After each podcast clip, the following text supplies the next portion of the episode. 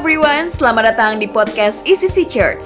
Kami percaya saudara akan dikuatkan dan dibangun oleh setiap khotbah yang akan disampaikan. Let's be excited for the word of God. Yo, coba bilang kiri kanannya, eh, kamu kelihatan luar biasa hari ini. Coba biasain memuji. Wow, kasih apresiasinya. Nggak banyak orang untuk sering terima apresiasi di rumahnya. Yes. Oke, so sudah sehat semua? Good. Puji Tuhan, saudara yang di rumah, kalau lagi di rumah dan mungkin sudah lagi isoman, percayalah Tuhan sedang memulihkan segala sesuatu. Wow, yes. So hari ini saya mau share dengan satu judul, wih fotonya udah baru. Iya, saya mau uh, share dengan satu judul yaitu I Need You. Coba lihat kiri kananmu bilang sama dia, I need you.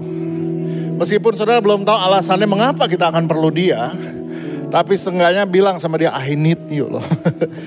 nah, uh, berapa hari yang lalu saya baca satu berita di media online dan pendirinya, penemunya Facebook, Mark Zuckerberg berkata bahwa ke depan semua orang akan metaverse. Semua akan ada di dunia maya. Metaverse ya. Semua akan ada di metaverse. So, oke, okay, itu teknologi. Kita nggak bisa meng, menghindari teknologi dan memang kita akan gunakan teknologi sebaik mungkin. Pertanyaannya, terus masa depan gereja di mana? Ada orang-orang yang berkata, bahkan nama Tuhan bilang, iya berarti masa depan gereja ada di metaverse. Wow. Ya. Saudara nggak perlu ada di sini, saudara bisa ada di sebuah tempat, tapi saudara tetap ada di gereja ICC. Bahkan metaverse, saudara bisa memilih peran saudara, bisa memilih uh, diri saudara, mengubah engkau, bah nggak perlu, oh saya nggak senang jadi laki, saya mau jadi ibu-ibu, bisa. Gitu lah. Itulah metaverse uh, worship leadernya saya nggak suka sama Alek. Oh, mau pilih siapa? Karena saya udah agak berumur, saya mau pilih Don Moon. Bisa, bisa. Jadi akhirnya gereja ICC khotbahnya Nalawi dia jelek. Saya mau Stephen Furtick. Bisa di metaverse dan itu terjadi. Wah, is that really? Eh, bener masa depan gereja ada di situ? Mari kita lihat. Pertama, kita mesti lihat siapakah kita manusia di hadapan Tuhan. Waktu Tuhan menciptakan manusia di kejadian 2 ayat 18, setelah Tuhan ciptakan manusia, Tuhan lihat ini di kejadian 2 ayat 18. Tuhan Allah berfirman, tidak baik kalau manusia itu seorang diri saja. Aku akan menjadikan penolong baginya yang sepadan dengan dia. Yang bilang ini Tuhan. Tidak baik kalau manusia itu seorang diri saja. Ayat ini sering dipakai untuk bicara soal teman hidup. Tapi ini nggak hanya bicara teman hidup, nggak hanya bicara pria dan wanita. Ini bicara bahwa manusia tidak bisa seorang diri saja. Katakan amin. so makanya kita perlu yang di sebelah. Ya, kita nggak bisa seorang diri saja. Ini kabar baik buat saudara yang masih single. Nggak usah khawatir, nggak usah panik, karena Tuhan juga mikirin. Ya, para single di sini tenang. Ya. Keep calm and follow Jesus. Udah gitu aja. Soal jodohmu Tuhan juga mikir. Sebab dia juga bilang gak bagus nih kalau seorang diri aja. Yang bilang gak bagus itu siapa? Tuhan. Bukan kita. Tuhan saya sendirian. Gak usah repot. Tuhan bilang saya juga repot. Kalau kamu sendirian terus. Karena Tuhan bilang gak bagus kalau kamu sendirian. Oke. Okay. Nah jadi kenyataannya manusia tuh gak bisa sendirian. Jadi apa yang Tuhan buat? Maka Tuhan memberikan penolong yang sepadan. Sehingga Tuhan membangun satu institusi atau lembaga di dunia ini yang namanya pernikahan. Yang namanya family. Tuhan membangun sebuah lembaga yang namanya keluarga, family. Kenapa? Nggak bisa sendirian soalnya. Adam tuh padahal udah ditemenin semua binatang seisi bumi ini. Jadi saudara jangan berkata begini, Oh saya nggak perlu manusia lain. Saya cukup hidup dengan 100 anjing. Nggak bisa saudara. Karena Tuhan yang bilang. Kalau memang Adam bisa hidup dengan seluruh binatang sekebun binatang. Tuhan gak usah ciptain Hawa. Cukup ngobrol aja lo sama jerapah gitu loh. Silahkan main sama kudanil. Guling-gulingan, kepencet aja selesai. Saudara itu itu yang saudara lihat. Ini Tuhan yang ngomong. Ini bukan bukan kita yang bilang. Bukan saya yang bilang, tapi ini firman yang bilang. Oke. Makanya Tuhan membangun yang namanya family. Karena Adam gak bisa sendirian, kita gak bisa hidup sendirian. Maka di kejadian 1 ayat 28, setelah Hawa diciptakan, Allah memberkati mereka. Lalu Allah berfirman pada mereka, siapa mereka? Adam dan Hawa, beranak cuculah dan bertambah banyak. Penuhilah bumi dan taklukkanlah itu, berkuasalah atas ikan-ikan di laut dan burung-burung di udara dan atas segala binatang yang merayap di bumi. Tuhan kasih bilang kepada Adam dan Hawa, Tuhan memberkati mereka dan berkata beranak cuculah. Artinya family nggak cukup cuman mereka dua. Beranak cucu, rame aja rumahnya langsung. Jadi itu itu master plan-nya siapa? Itu master plan-nya Tuhan. Itu itu itu master plan-nya Tuhan. Jadi kalau saudara di sini berkata, sorry, sorry, sorry. Kalau saudara berkata, enggak, enggak, saya enggak perlu orang lain. Saudara sedang keluar dari master plan-nya Tuhan. Kita lagi keluar dari master plan-nya Tuhan. Master plan-nya Tuhan adalah kamu nggak bisa sendirian. Kamu perlu orang lain. Dalam hal ini bahkan ketika udah ketemu pasangan Tuhan bilang beranak cucu. Sebab ternyata ketika kita beranak cucu, itulah yang Tuhan mau. Itu master plan-nya Tuhan. Sampai mana beranak cucunya? Penuhi bumi. Bumi udah penuh. Enggak, ada bagian yang masih kosong. Ya. Nah, sudah lihat. Selesai sampai di keluarga, Tuhan membangun lembaga, Tuhan membangun institusi, tidak. Di perjanjian baru, Tuhan Yesus membangun lagi sebuah lembaga. Apa itu? Itulah church, itulah gereja. Tuhan Yesus yang bilang soal gereja ini. Ya, di Matius eh, di Matius 16 ayat 18, Tuhan Yesus bilang apa? Dan aku pun berkata kepadamu, engkau adalah Petrus dan di atas batu karang ini aku akan mendirikan jemaatku dan alam maut tidak akan menguasainya. Siapa yang mendirikan gereja? Tuhan Yesus. Jadi aneh kalau ada orang berkata begini, I love Jesus. Saya cinta Yesus, tapi saya tidak suka gereja. Gereja itu yang mendirikan Yesus. Kalau saudara cinta Yesus, saudara cinta gerejanya. Ada amin saudara. Karena Tuhan Yesus yang mendirikannya. Tuhan Yesus yang mendirikannya. Hmm. So, saudara lihat. Dan ketika Tuhan Yesus mendirikan gereja, dia berkata sama siapa? Petrus. Engkau adalah Petrus di atas batu karang ini aku akan mendirikan jemaatku. Gereja didirikan oleh Tuhan Yesus. Dan Petrus itu apa? Petrus itu manusia. Jadi gereja itu dari manusia oleh manusia untuk manusia. Petrus yang Tuhan Yesus bilang, saya diriin. Tapi pakai apa? Pakai orang. Tuhan Yesus nggak itu jelas-jelas orang, human being yang Tuhan pakai. Jadi sekali lagi gereja adalah manusia yang nyata. Ini yang saya mau ngomong hari ini. Gereja adalah manusia yang nyata. Saudara di tengah-tengah pandemi kita bisa zoom untuk home cell. Tapi itu di tengah pandemi. But basically kita nggak bisa hidup di zoom saja. Saya nggak bilang, oh salah. No, no, no, no, no, no. Di tengah, saya juga meeting sama ICC Sydney di Zoom. Saya kalau perlu apa-apa juga video call supaya segera karena kita belum bisa terbang kemarin. Sekarang bisa ya. Ke ke Sydney, ke Bali, ke ke ke Malang. But supaya cepat video call. Supaya cepat Zoom, semua langsung ketemu. ICC plus misioneri kita yang di uh, Jerman, yang di, di di Amerika dan kita bisa ketemu semua. Oke. Okay. Dengan Taiwan kita Zoom. Dengan situasi tetapi tetap semua juga bilang, "Kak, kapan ke sini?" Saya nggak jawab, kan kemarin udah Zoom. Mereka terbilang, kapan kita ke sini? Kak ini udah ditungguin kopi nih, kita ngopi bareng. Nah itulah yang susah. Karena manu, gereja is about people. people-nya human bener. Mari kita lihat. Mas, problemnya kenapa Yesus dirikan lembaga? Di perjanjian lama ada keluarga, family, di perjanjian baru ada ada ada gereja. Karena kita juga punya problem yang lain.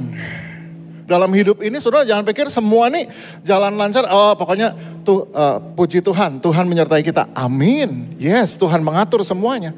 Jangan lupa ada satu ini yang selalu berusaha merusak dan menggagalkan siapa? The devil. Makanya that's why we need each other. Kita perlu yang lain. Karena apa? Ada setan. Sudah tahu pekerjaan setan? Setan tuh misinya cuma satu dalam hidup kita. Dalam hidup kita misi dia cuma satu. Setan tuh mau mencuri, membunuh, dan membinasakan. Tuhan berkati pekerjaanku, kata Tuhan Yesus, saya berkati kamu. Tapi setan bilang, saya curi. Pernah gak ngerasain kerja udah capek-capek, hilang. Jangan pikir bahwa dia gak kerja. Dia juga kerja. Pernah gak kita susah-susah gedein anak tiba-tiba aduh kenapa anak saya jadi begini? Bahwa dia juga selain Tuhan yang bekerja, ada setan juga bekerja. Yohanes 10 ayat 10 berkata, iblis itu berusaha untuk mencuri, membunuh, dan membinasakan.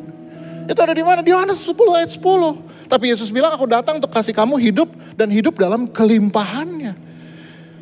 Yesus datang untuk kasih hidup dan hidup dalam kelimpahan, tapi setan juga ada untuk mencuri, membunuh, dan membinasakan. So kita punya problem satu, kesendirian kita. Kedua, setan juga berusaha. Rusak kita dari mana dia udah berusaha. Lihat, the enemy itu adalah devil. Lihat dari kejadian 3 ayat 1. Ini udah udah udah udah kerja setan. Adapun ular ialah yang paling cerdik dari segala binatang di darat yang dijadikan oleh Tuhan Allah. Ular itu berkata pada perempuan itu, tentulah Allah berfirman, semua pohon dalam taman ini jangan kamu makan buahnya, bukan? Huh, udah dibilang ular itu binatang paling cerdik dengan kata lain, jangan pikir setan bodoh. Oh tenang pastor, saya tenang kak, saya tiap hari baca firman. Dia bisa putar balik firman sehingga kelihatannya ini yang benar. Setan tuh kalau ke anak Tuhan gak muncul dalam bentuk genderuwo dia muncul dalam bentuk penyesat. Dia berusaha tipu. Ini yang enggak apa-apa. Lakukan aja. Ayo terus lakukan. Just do it. Nggak apa-apa. Makan aja. Nggak apa-apa kok. Nggak apa-apa kok. Nggak ibadah sekali, dua kali. Nggak apa-apa. Iya nggak apa-apa. Betul. Tapi dia berusaha supaya dari yang sekali jadi selamanya. Itulah setan. Itulah setan. Ketika kita bilang tenang masih ada minggu depan. Setan akan bilang saya buat tidak akan ada minggu depan buat kamu. Karena dia memang mencuri, membunuh dan membinasakan. Setan. Makanya kita perlu yang lain. Lihat 1 Petrus 5 ayat 8. Di perjanjian baru dia masih musuh. Dan itu diingatkan di 1 Petrus 5 ayat 8 berkata sadarlah dan berjaga-jagalah. Lawanmu siapa? Iblis, lawanmu bukan kiri kananmu. Coba lihat kiri kanan, bilang bukan lawan saya. Ini bukan lawan. Lawanmu siapa? Iblis. Itu dari dulu sampai sekarang dan apa yang dibuat iblis berjalan keliling sama seperti singa yang mengaum-ngaum yang mencari orang yang dapat diapain katanya. Ditelan. Masih jadi kesimpulannya orang percaya masih bisa ditelan setan nggak? Bisa. Dan dia nih berjalan keliling. Oh jangan pikir bahwa kalau saya sendirian setan nggak berjalan keliling. Apa artinya berjalan keliling? Mencari kesempatan. Kapan gue bisa jatuhin sinala? Kapan gue bisa bikin sinala jatuh dalam dosa dan semua berhenti? All is over. Itu setan usahakan itu. That's why I need you I need my wife. Untuk menjagai saya dari setan yang jalan keliling. Saudara jangan pikir dia, oh udah Nala udah jadi pendeta. Saya berhenti. No. Dia berusaha lebih keras lagi. Supaya jatuh dia. That's why I need you. Uh, you got something this morning? Nah, mari sekarang kita kembali pada pada berita yang saya baca, yang Mark Zuckerberg bilang bahwa masa depan kita semua ada di metaverse. Mari kita mau lihat soal dunia nyata dan dunia maya. Maya siapa? Maya yang mana pun, pokoknya ini dunia maya. Dunia nyata, maya dan dunia nyata. Sudah tahu dunia maya ya dunia uh, online kita ini dunia maya sesungguhnya. Mari kita mau lihat soal dunia maya dulu. Saya mau kasih contoh di satu bidang yang saya, kalau bidang ini saya boleh dibilang saya menguasai bidang ini. Ya jadi no doubt lah, saudara jangan khawatir, jangan ragu, saudara buat dengerin saya di bidang yang ini. Saya mau kasih contoh, bahwa di bidang ini dunia maya gagal. Saya kasih contoh. Dunia apa? Dunia sepeda. Di awal pandemik, rame banget orang beli trainer home trainer. Sepeda kita yang asli ditaruh di home trainer. Indoor trainer. Lalu jangan keluar rumah, jangan keluar rumah, jangan keluar rumah. Banyak virus, jadi di rumah putar sendiri. Bosen, keluarlah program-program komputer pakai TV. Pakai, pakai komputer programnya namanya Zwift gitu loh. Kita bisa undang temen, misalnya saya lihat, oh Andre Gunawan, nanti jangan lupa jam 5 sore ya kita ketemu ya di mana? Dunia Maya. Rutenya mana? Bandung, Tangkuban Perahu. Nanti komputer akan buat rutenya. Bahkan pemandangannya. Seperti Bandung. Oh enggak, kalau di dunia maya jangan cuma ke Tangkuban Perahu dong. Kita mau goes dari Paris sampai ke Nice. Wah, kita bagi dalam beberapa hari. Kan dunia maya. Oh, no, no, no, no, no. Cari yang nanjakan dikit, nanjak dikit. Alpen. Wow. Kita naik Mount Titlis. Wuh, lihat salju-salju gini-gini. Di awal senang. Di awal senang. Orang-orang senang. Dua tahun pandemi, sekarang mulai pada jualin lagi home trainernya. Bosan. Why? Namanya juga dunia maya, dia cuma ketemu sama maya. Dia nggak ketemu orang beneran di situ. Selesai ini udah, selesai ini, oh udah. Ini diciptakan di diciptakan oleh pabrik untuk negara empat musim. Tujuannya apa? Ketika musim dingin di mana kita nggak mungkin keluar karena suhu di minus 20, saudara pakai ini. Tapi ketika musim dingin berakhir keluar lagi semua. Terus orang Indonesia pikir ini masa depan sepeda. This is not the future. Bukan. Kenapa? Karena tetap orang menyukai jalan di jalan raya yang benar, yang real. Saya tetap menyukai jalan di jalan raya yang real. Why? Karena dunia maya tidak tidak menyentuh panca indera kita seluruhnya. Contoh di dunia maya penciuman kita nggak bekerja. Coba di dunia real ini. Udah sampai Cikole, hutan pinus. Wah wangi pinus. Turun Lembang, setiap di atas. Ada restoran Sunda, Saung Pengkolan namanya. Dapurnya di pinggir jalan. Dia suka goreng cumi, goreng ikan asin. Dia lagi goreng. I know. Saya tahu. Meskipun lagi nunduk ke bawah gitu, lagi lagi nanjak gitu, tapi saya tahu ini yang lewat truk bawa ampas tahu. I know it. Tidak ada di dunia maya. Is that right? Komputernya belum secanggih itu sampai bisa ngeluarin bau. Nggak bisa. Nggak bisa lewat warung kopi bau kopi. Masuk jalan Jaya Giri ada warung kue balok. Itu nggak ada di dunia maya. Fotonya bisa nggak bisa, baunya nggak ada. Mulai sadar, kita real human. Kebutuhan kita nggak dijawab semuanya di situ. Tenang, saya punya banyak teman di Zoom. Betul? Betul itu temanmu? Oh, friend saya di Facebook ribuan loh. Betul itu temanmu? Mari kita bahas. Sama kayak di dunia sepeda nggak bisa. Hujan, wah hujan. Wah buat saya kalau lagi nanjak, panas, hujan itu anugerah. Uh, Di dunia maya suhunya tetap. Tapi di jalanan bisa panas, terus hujan, basah. Sampai air netes dari helm itu nggak bisa di dunia maya. Karena komputer belum bisa nyemprotin air. Bss, gitu.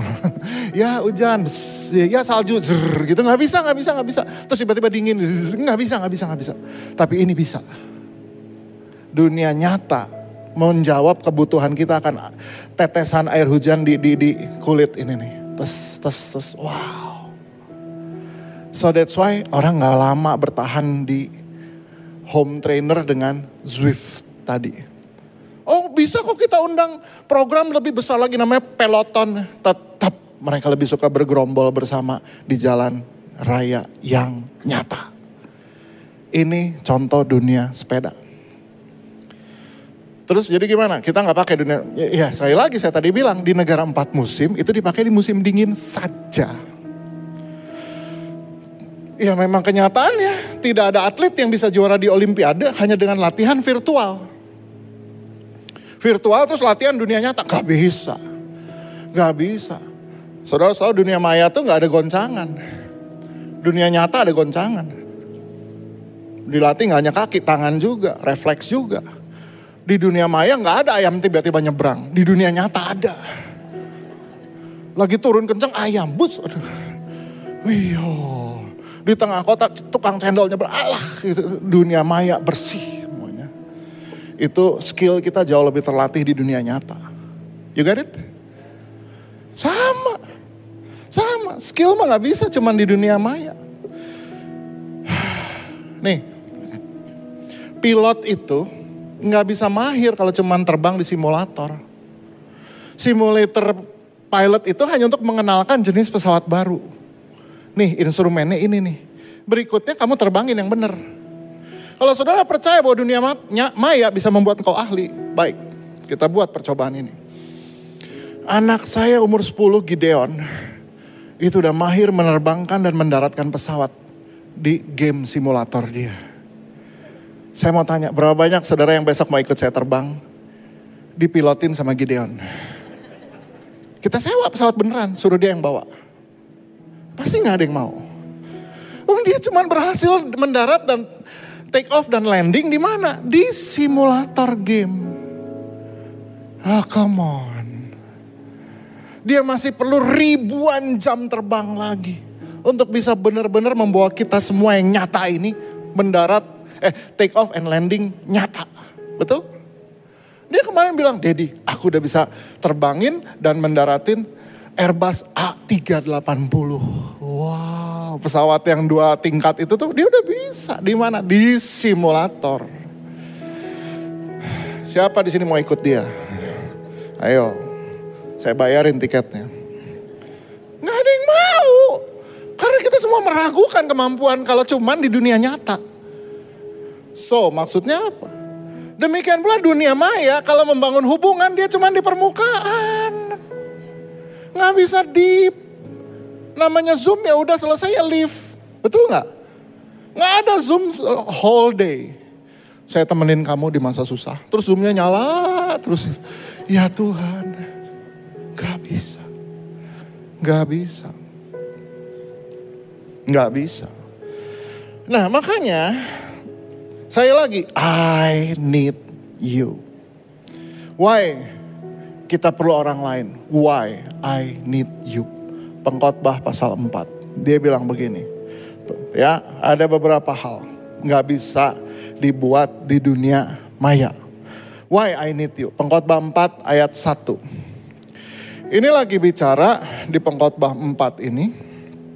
Uh, ayat 9 berdua lebih baik daripada seorang diri karena mereka menerima upah yang baik dalam jerih payah mereka.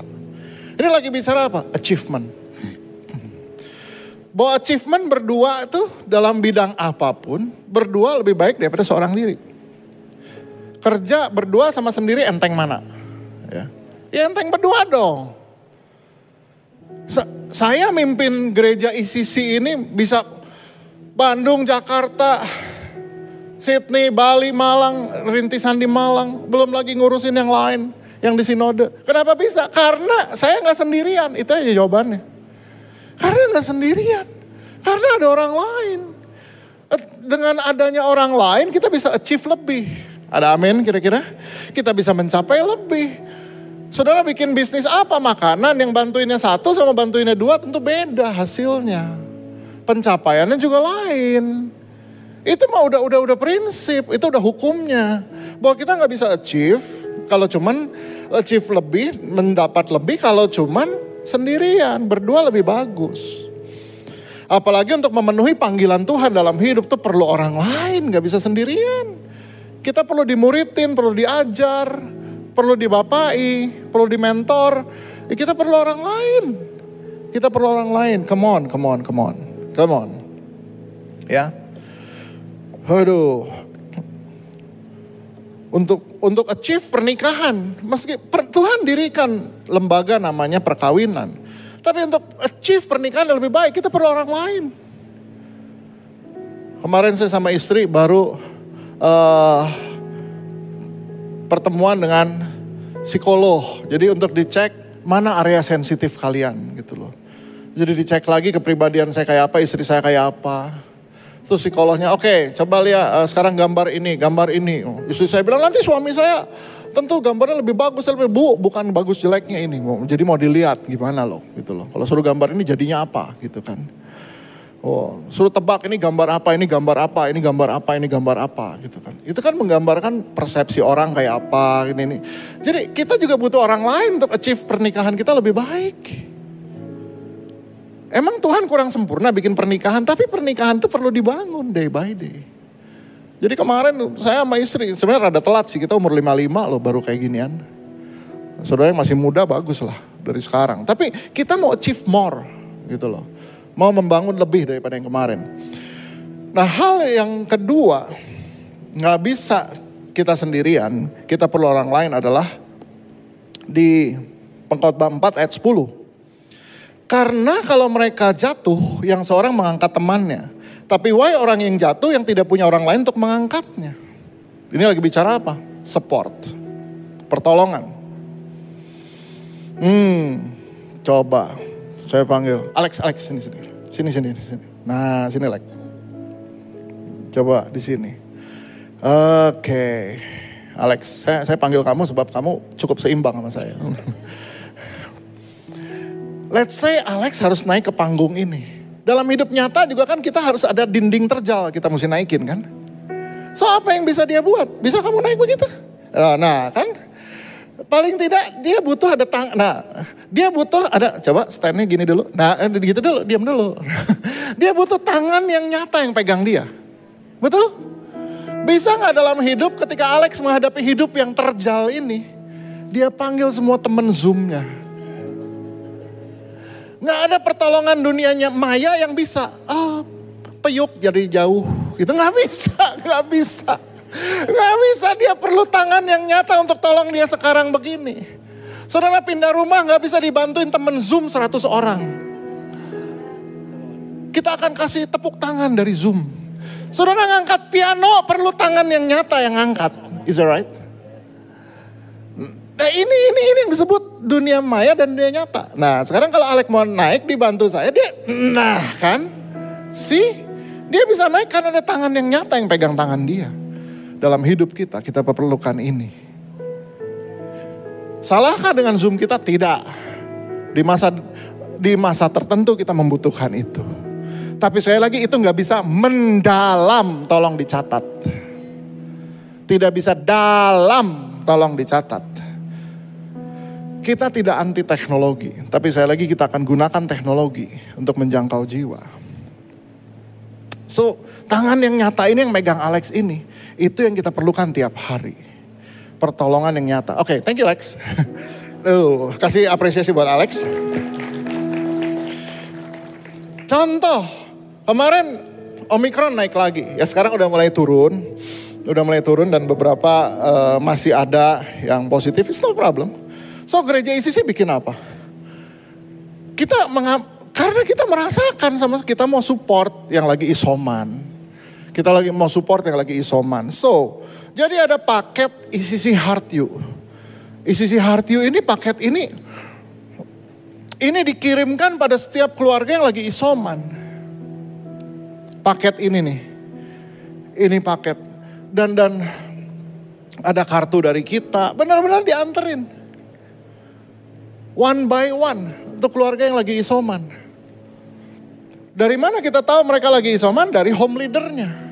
Mungkin ada saudara yang berkata, kemarin saya saya nggak ada yang nganterin ini. Mungkin saudara nggak home sale. Uh, mungkin saudara nggak di home sale. Tapi kalau home leadernya tahu, oh si ini lagi isoman, dia akan kasih info. Dan itu dikirim paket ini. Sepanjang kemarin nih, kira-kira sebulan kemarin sampai hari ini, berapa paket? Ini ada data jumlahnya loh di saya. Buat Bandung aja, buat Bandung tuh ada 140 paket. 140 untuk Bandung. Jakarta ada 59. Bali 12. Malang 10. Even di Sydney ada 11. Saudara bayangkan. Dan paket ini bukan virtual. Ya kita kim jeyuk virtual. Enggak, enggak, enggak, enggak, enggak, enggak, enggak. Oh iya, thank you ya buat jeruk virtualnya. Enggak, nyata. Dan barang-barang nyata ini dibeli pakai uang yang nyata. Enggak pakai daun virtual dan jadi uang virtual. Basicnya apa daun? Enggak, enggak. Itu semua, makanya kalau saudara tahu. That's why I need you. We need each other. Wah puji Tuhan. Ini kerjaan volunteer nih ngerjain begini nih saudara. Home leader kita nih. Luar biasa saya apresiasi banget home leader home leader yang udah pada di di tengah-tengah uh, masa-masa sulit mereka kerja luar biasa. Uh, nah sekali lagi saudara, support ini bukan support yang bersifat bersifat dunia maya, virtual. Ini support yang nyata, real. Itulah sebabnya kita perlu manusia. Dan kita manusia perlu semua manusia lain karena kita perlu hal yang nyata. Wow, puji Tuhan. Again. Yang ketiga, pengkhotbah 4 itu bilang begini, ayat 11. Juga kalau orang tidur berdua mereka menjadi panas, tetapi bagaimana seorang saja dapat menjadi panas? Pengkhotbah 4 ayat 11 bilang kalau tidur berdua jadi panas. Tapi kalau sendiri aja gimana bisa jadi panas? Ini lagi bicara apa? Comfort. Comfort. Comfort. Oke roh kudus adalah comforter buat kita. But sometimes, kadang-kadang kita perlu orang di sebelah kita yang jadi comforter. Buat contoh ini saya minta istri saya sebentar sini. Oh, Susah ya kamu ke atas ya. Pastor Mario aja deh, Pastor Mario, istriku susah naik. Iya istri saya nih beberapa minggu lalu cedera ligamennya karena dia crossfit. Uh, dia ingin seperti suaminya yang atlet, dia ambil kelas yang lumayan berat, ligamennya cedera. Nah, comfort. Bahwa gimana juga kalau saya ber, berdampingan sebelahan sama Pastor Mario, kerasa ini ada hangatnya loh Waduh, kerasa. Apalagi habis makan babi panggang, anget loh. Sudah itu itu terasa kehangatan ini. Dan kadangkala di tengah-tengah masa susah yang kita butuhkan bukan pengajaran. Betul? Yang kita butuhkan orang lain yang cuma gini aja. Oke, okay, udah. Kadang-kadang di masa sulit itu, kita juga udah gak bisa ngomong, tapi kita cuma bisa begini. Oke. Okay. Ya udah kita hadepin sama-sama. Udah cuma itu. Saudara di masa susah nggak bisa. Terus cari, cari, cari, cari, teaching, teaching, teaching, teaching. Mana nih pengajaran, pengajaran. Aduh, sometimes kita bukan butuh pengajaran. Aduh, aduh, aduh, aduh, aduh pengajarannya isi sih kurang nih. Masa saya terlalu susah. Aduh, cari, cari, cari, ya, cari peser-peser luar negeri. Wah, nah, nah, nah, kadang-kadang kita justru perlu orang sederhana yang ada di sebelah kita yang begini. Tenang, ayo kita jalanin sama-sama. Ayo, ayo, ayo. Udah. Coba. Saudara kalau datang ke rumah duka jangan banyak omong. Iya kan? Ceramah gitu di rumah duka. Jangan. Di rumah duka sama kita yang penting gini aja. Hadir aja udah gitu. Dan yang perlu hadir apa? Maaf. Orang yang nyata yang hadir. Gini aja. Udah. Ah, udah. Cuman begitu aja. Kadang-kadang saya lagi dalam keadaan, uh, thank you Pastor Mario. dalam keadaan uh, susah atau banyak pikiran sambil nyetir, saya cuma pegang tangan istri saya. Oh, enggak, enggak, enggak, enggak ngobrol, enggak apa. Tapi istri saya tahu, saya lagi banyak mikir, saya lagi banyak susah, dia tahu, dia tahu. Apa yang diperlukan? Enggak, dia cuma pegang. Atau saya lagi nyetir, dia pegang tangan saya. Enggak, enggak ngomong apa-apa, tapi dia tahu. Dan saya rasa lebih kuat daripada saya nggak dipegang tangannya. You got it? Dan itu saya lagi bukan tangan virtual. Tangan beneran yang terasa kulitnya gitu loh. Biar seratus temenmu di Zoom bilang peluk dari jauh. Gitu. Tetap, tetap kita we need someone. So yang belum home cell, join home cell. Karena tetap kita memerlukan ini. Udah, yang terakhir, yang keempat, di, di pengkhotbah 4 ayat 12 bilang begini. Dan bila mana seorang dapat dialahkan, dua orang akan dapat bertahan. Tali tiga lembar tak mudah diputuskan. Uh, kesimpulannya yang keempat, untuk pertahanan, untuk defense kita perlu orang lain. Untuk defense kita perlu orang lain. Saudara nggak bisa berkata, wah mari kita bantu saudara-saudara kita di Ukraine. Kita bantu mereka berperang. Gimana caranya? Di rumah ada PS PS5, kita mau Call of Duty. Tuh, tuh, tuh, tuh. Nah, nah, nah, nah, nah, nah. Gak bisa, gak bisa. Gak bisa ngurusin yang begitu caranya. Gak mudah patah. Saya punya home cell, saya ada area, dan kita tahu kadang-kadang ada orang diserang, kita perlu bersama-sama dengan dia menguatkan dia dan menolong apa yang bisa ditolong. Saya bertemu home leader yang yang ya ngalamin banyak kesulitan ya saya, saya apa yang bisa kita tolong. Bersama-sama kita mikir ini semua. Suatu hari ada ada leaders kita yang di uh, dicurangi oleh rekan bisnisnya dan dan dan ya dilaporin sampai ke bares krim di Jakarta. Saya bilang begini, Kapan kamu dipanggil? Tanggal sekian kak. Oke, okay. saya pergi sama kamu.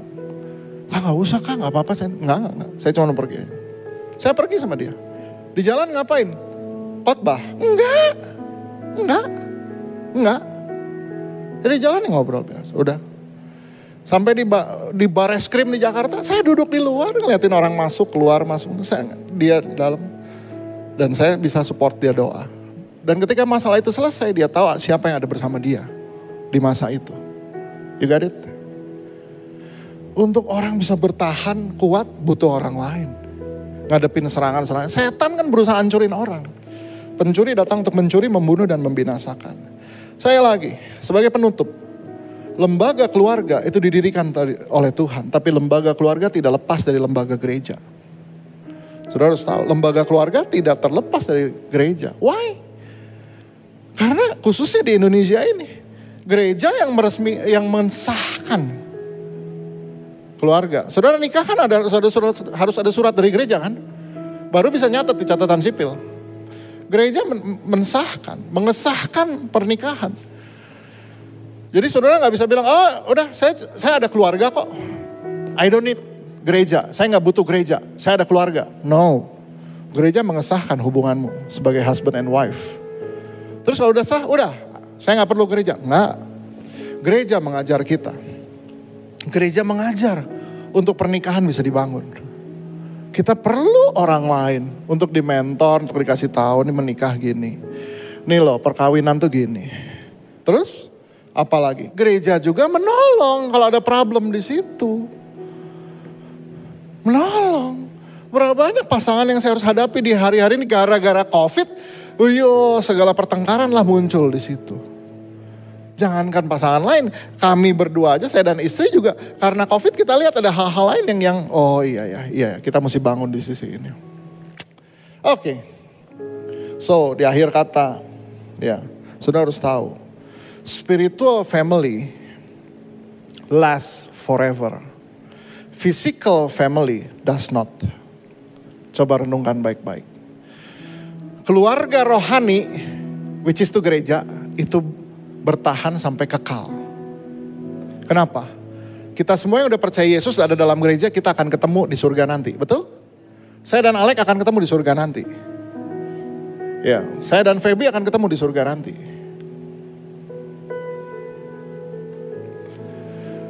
Dan kalau saudara mau tahu, physical family nggak bertahan sampai kekekalan. Masa? Contoh, ayah saya sekarang udah pulang ke rumah Bapak di surga. Waktu saya ketemu ayah saya di surga nanti, hubungan kita adalah sebagai sesama orang percaya. Karena di surga tidak ada kawin mengawinkan.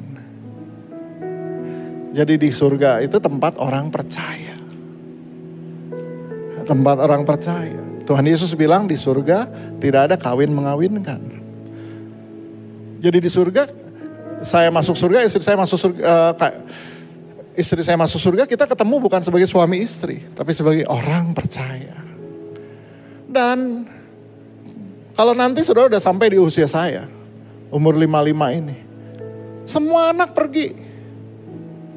Yang laki udah di Jerman.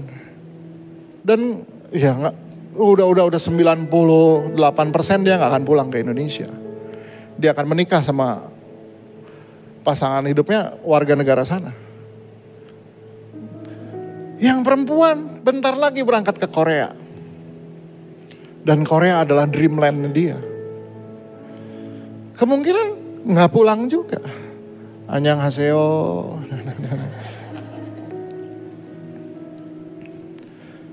Yang sisa siapa yang umur 10 di rumah? Selamanya kah dia ada di situ?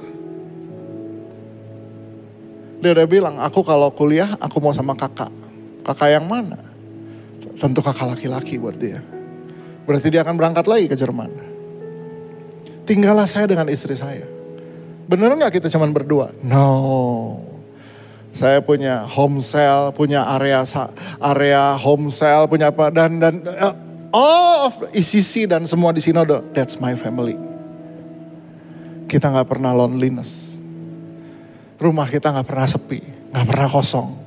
Itu kejadian sampai hari ini. Why? Karena keluarga rohani last forever. You got it? Coba lihat ini. Keluarga rohani last forever. Kita ketemu terus. Jadi kalau saudara lagi nggak suka sama orang di sebelahmu, usahakan belajar untuk menyukai dia. Karena nanti saudara akan ketemu dalam kekekalan dengan dia. Jadi kalau hari ini sebel, nanti kekal di surga. Kan nggak mungkin sebel terus di surga ya. Udah di surga masih sebel gitu kan. Mendingan berdamai dari bumi. Bilang kiri kanan I need you. Okay, we need each other. Wah, sudah dapat sesuatu pagi hari ini? Ya, ya again di tengah-tengah kesulitan kita, kita tahu untuk bangun sesuatu kita perlu orang lain. Ya, untuk kita bisa comfort, bisa nyaman kita butuh orang lain. Ya, untuk kita bisa punya support kita butuh orang lain. Untuk kita bisa bertahan kita perlu orang lain. Saya percaya ini pesan yang khusus buat setiap kita yang mendengarkan. We pray that this message will bless you and build you. See you at the next podcast.